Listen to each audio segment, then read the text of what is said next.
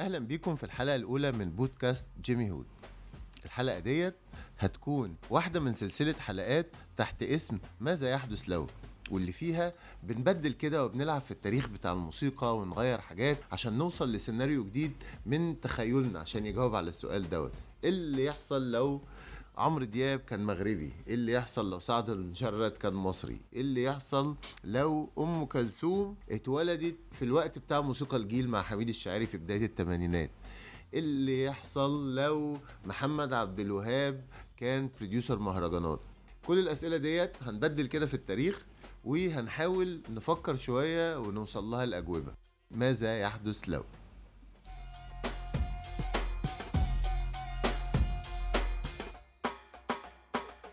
في الحلقة ديت هنجاوب على سؤال ماذا يحدث لو محمد منير كان عمره النهاردة 20 سنة وهيبدأ career ه ك rapper وهيغني راب؟ يا ترى هيفشل؟ يا ترى هينجح؟ إيه اللي في مسيرة محمد منير؟ ومن اللي فات تأهله إن هو يكون مغني راب. وإيه الحاجات اللي هو عملها ما تنفعش ابدا ابدا ابدا تكون في career rapper؟ وهكذا. وفي آخر الحلقة المفروض نوصل لاستنتاج. هل فعلا محمد منير ينجح لو النهارده عمره 20 سنة وبيبتدي كاريره كرابر ولا لأ؟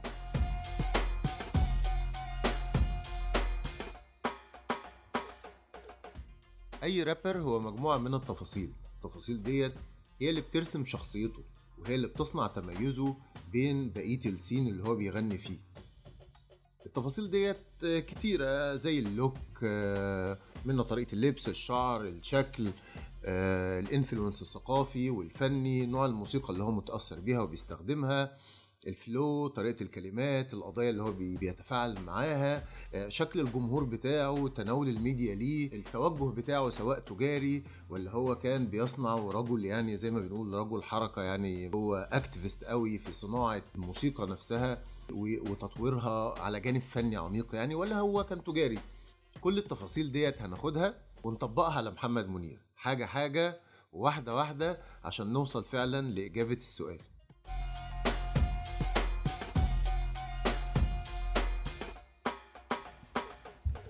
محمد منير الشاب الأسمراني اللي جاي من النوبة.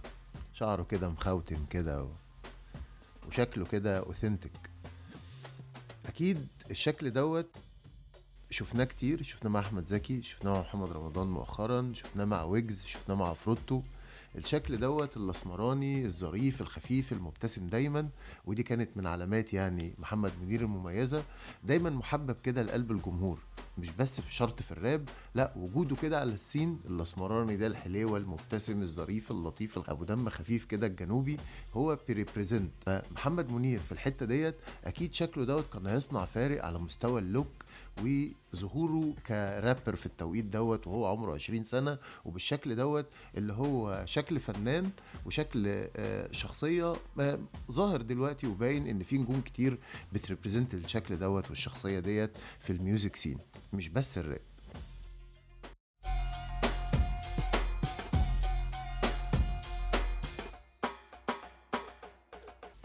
الحاجة التانية اللي في ال look هي ال style بتاع الملابس. ودي طبعا حاجة مهمة جدا لأي رابر ومميزة جدا في ثقافة الهيب هوب إن style الملابس ده جزء من ال influence الثقافي اللي بي بيستلهم منه ال artist اللبس اللي هو بيلبسه واللي هو كمان بيحط الطابع بتاعه. وشفنا ارتباط كتير من ال rappers العالميين والمحليين حتى ببراندات سواء صغيرة أو كبيرة عشان تصنع الموضة بتاعتهم.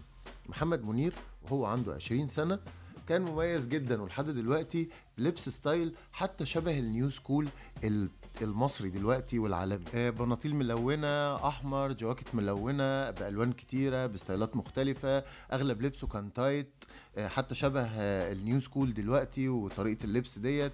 فهو هيكون fit جدا محمد منير بال style بتاع اللبس اللي هو قعد السنين دي كلها بيلبسه اللي هو كان مميز عن عمرو دياب. يعني عمرو دياب كان عنده style و look معين بس تحس إن هو commercial والموضة بتاعته تجارية مش حاجة ليها بعد فني أو artistic كده في الملابس. فمحمد منير ال style بتاعه ده كله يكون fit جدا في الوقت اللي إحنا فيه وعلى الموسيقى اللي هو هيغنيها اللي هي الراب.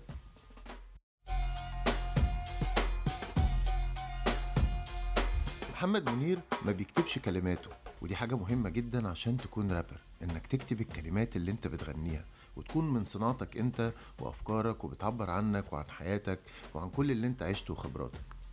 لكن محمد منير لو جينا نحكم إن هو pop artist وأكيد ما بيكتبش الكلام بتاعه بس إحنا هنحكم في الحتة ديت على ذوقه. ذوقه اللي هنقدر من خلاله نحكم محمد منير كان ممكن تكون اختياراته إيه في الكلمات.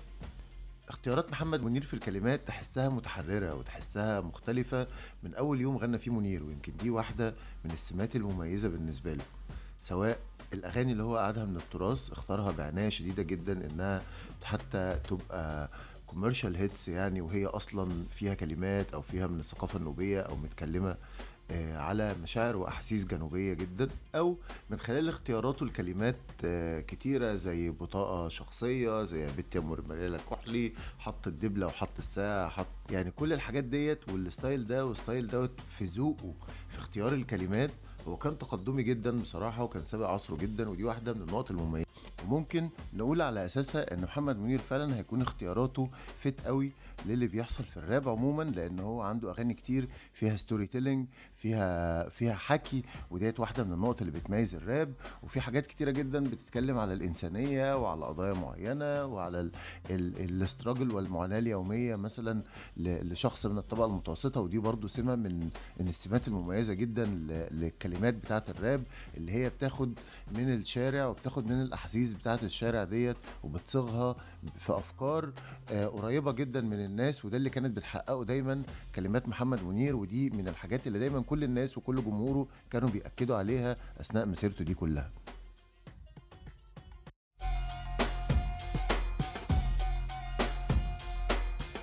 واحدة من الحاجات المميزة جدا للراب وثقافة ال hip hop هي ال hand signs والإشارات اللي هي بتتعمل آه، بالإيدين. من زمان ومن بداية آه، ال hip hop آه، كثقافة والراب كموسيقى وال rappers دايما بيعملوا علامات بإيديهم عشان تعبر عنهم تعبر عن حروف من أساميهم تعبر عن المدينة ولكن دايما ده كان موجود وبيتم استخدامه تجاريا وفي ال hype وعلى المسرح وعلى ال t-shirts وعلى على كل شيء آه، زي علامة ال Wu-Tang اللي هي بترسم حرف W زي ما كان توباك بيعمل حرف W آه، على ال West Coast وهكذا. أي حد بيغني وبيقلد محمد منير بيقلد وقفته بيقلد ال style بتاعه هتلاقيه بطريقة اوتوماتيكيه جدا جدا. بيحط صابع الإبهام على صابع السبابة وبيعمل العلامة ديت وبيرفع إيده لفوق. هي دي محمد منير المغني الوحيد ال pop commercial star اللي ليه hand sign اللي ليه علامة بالإيدين بت represent brand محمد منير وبت represent شخصية محمد منير الموسيقية والجنوبية المتحررة اللي كانت مرتبطة بنضال وبثورة وقيم معينة من بداية مسيرته. محمد منير ويا للغرابة هو الوحيد في تاريخ موسيقى البوب اللي عنده الحاجة اللي بيتميز بيها موسيقى الراب. صدفة مش صدفة لأن محمد منير أكيد كان هينجح برضه في ديت إن هو يخليها brand ويخليها معروفة ومشهورة وعلى ال social media ويتعمل لها merchandise تتسوق تجاريا لأنها فعلا علامة كانت ناجحة علامة سهلة علامة بتعبر عن روح الموسيقى اللي هو بيقدمها وعلامة تشبه مية في المية العلامات اللي بيعملوها ال rappers دي علامة تانية إن محمد منير ممكن ي fit in وهو عنده عشرين سنة النهاردة. معروف في الهيب هوب وفي الراب إن أنت لما بتكون بتمثل مدينة أو بتمثل مجموعة عرقية أو أقلية أو مجموعة من الناس عندهم قضية معينة في محيط جغرافي ما آه، عنده ثقافة معينة وأنت اللي بتمثل الثقافة دي أسهمك دايما بتزيد أسهمك دايما بتعلى وبيكون كده وراك خلفية غنية جدا بالمواضيع وبستايل المزيكا المختلف على اللي أنت رايح فيه آه، نوعية الكلمات نوعية القضايا آه، حتى نوعية الدعم اللي أنت بتكون حواليك حتى عالميا ودي حصلت كتير قوي آه، في عالم الراب يعني وفكرة تمثيل المدينة أو تمثيل آه، منطقة معينة. طبعا محمد منير آه، بيمثل النوبة بيمثل أقلية في مصر عندها لون بشرة معين عندها ثقافة معينة عندها آه، آه، تاريخ مهم جدا عندها قضية ونضال مهم جدا. فمحمد منير كان دايما بيحمل هموم الناس دي كان دايما بيحمل تراثهم إلى المنصات التجارية إن العالم يسمعهم إن هو يطلع حفلات بره ويفضل السلم الخماسي النوبي والفايبس النوبي موجودة في الأغاني. وفي تمثيل في الصف الأول التجاري في مصر للنوبة ل- ل- للشاب الأسمر دوت اللي موجود في الصفوف الأساسية واسمه الملك.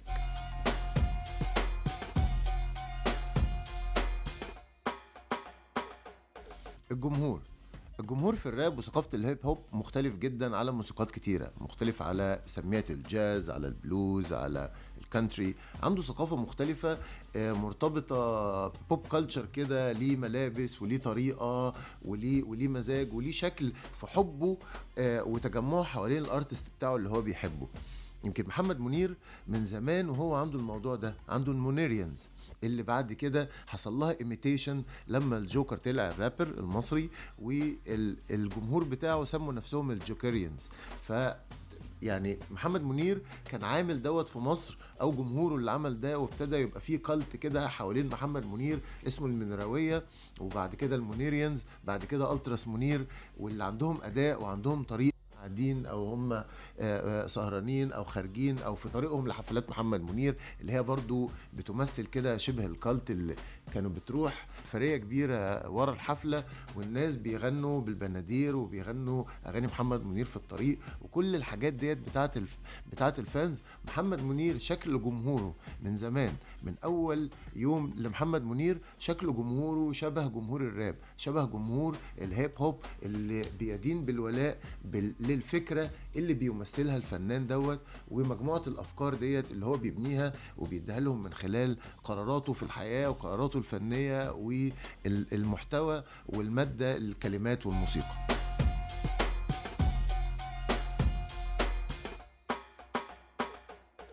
الستايل والطبع الموسيقي لمحمد منير جاي بالتأكيد ومبني على ثقافة النوبة وعلى الموسيقى النوبة وموسيقى الجنوب. سواء بإحياء التراث وبتجديده وتقديمه بشكل تاني جديد أو الشغل على ألحان جديدة بنفس ال style وال- وال vibes النوبية ديت والسلم الخماسي ونفس الإيقاعات وهكذا. مع طبعا مزجها بآلات حديثة و electronic music وهو دوت اللي بنى وال style بتاع محمد منير. طيب لو جينا طبقنا دوت في الراب. محمد منير دلوقتي ممكن يقدم fusion ما بين النوبة وما بين ال rap ال new school ويبقى في treatment تاني كده ومعالجة تانية لل flow والطريقة وال deliver اللي هو هيقدم بيه الموسيقى بتاعته ديت اللي هي trap music أو trap شعبي أو what ولكن محمد منير المزج ده وال fusion ده اللي ما بين الموسيقتين دول هيأدي إن هو يكون عنده style مميز ويمكن دوت في رابر اسمه نوبي في ال scene المصري بيحاول بقاله فترة إن هو يقدم دوت ويمكن هو متأثر برضه بمحمد منير وبالنوبة وبنفس الطريق وبنفس السكة.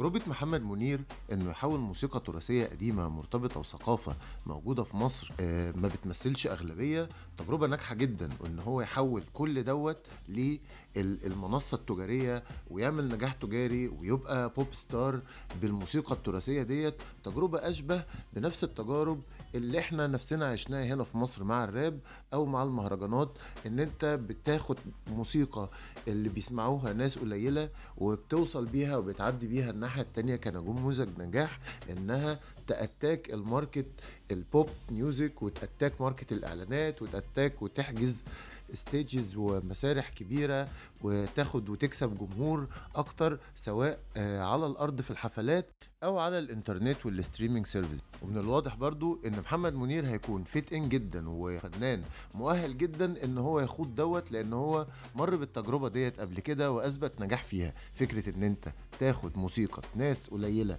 بيسمعوها تطلعها لأكبر عدد ناس هي ديت اللي كانت التجربة اللي ممكن تخلي فعلا محمد منير واحد من أهم الرابرز لو غنى دلوقتي راب.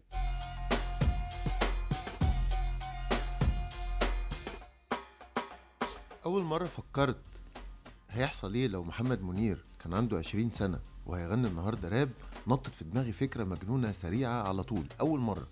محمد منير كان معروف بحبه وعشقه للمغرب العربي وإن هو كان بيغني أغاني من المغرب العربي زي امبارح كان عمري عشرين زي آه، حكمة الأقدار اللي غنتها فر- فرقة الأرصاد بعد كده خدها صديقه حميد بارودي بعد كده محمد منير خدها وغناها وحقق بيها نجاح.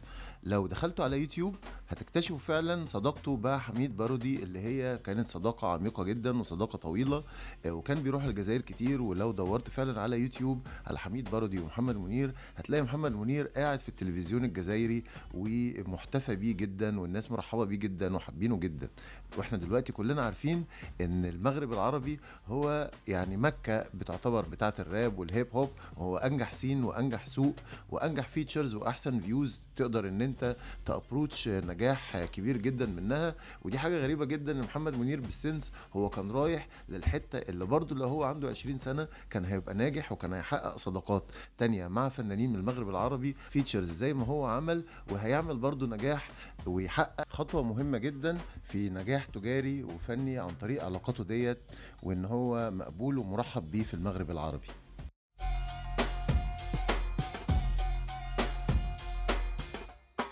بالنقط ديت والتفاصيل ديت والملاحظات ديت حاولت إن أنا أبني صورة وسيناريو تخيلي.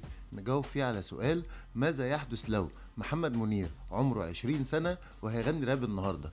وأظن بعد كل الملاحظات ديت محمد منير أثبتنا فعلا إن هو يقدر يكون رابر ناجح النهارده في سنة 2021 يبتدي النهارده وعمره 20 سنة ويحقق نجاح تجاري لأنه يملك الأدوات ديت اللي هي تنجحه واللي هي تعمل له انتشار وتعمل له انفلونس موسيقي وثقافي تاني من أول وجديد وبنوع موسيقى جديد عليه وبنوع موسيقى حققت نجاح وانتشار وسط الشباب في مصر دلوقتي فمحمد منير يقدر. وبعد كل السنين ديت لو رجع بيه الزمن وبقى عمره النهارده 20 سنة وهيغني راب ممكن نقول إن هو فعلا نجح في الموضوع ده. وإجابة السؤال أيوه هينجح.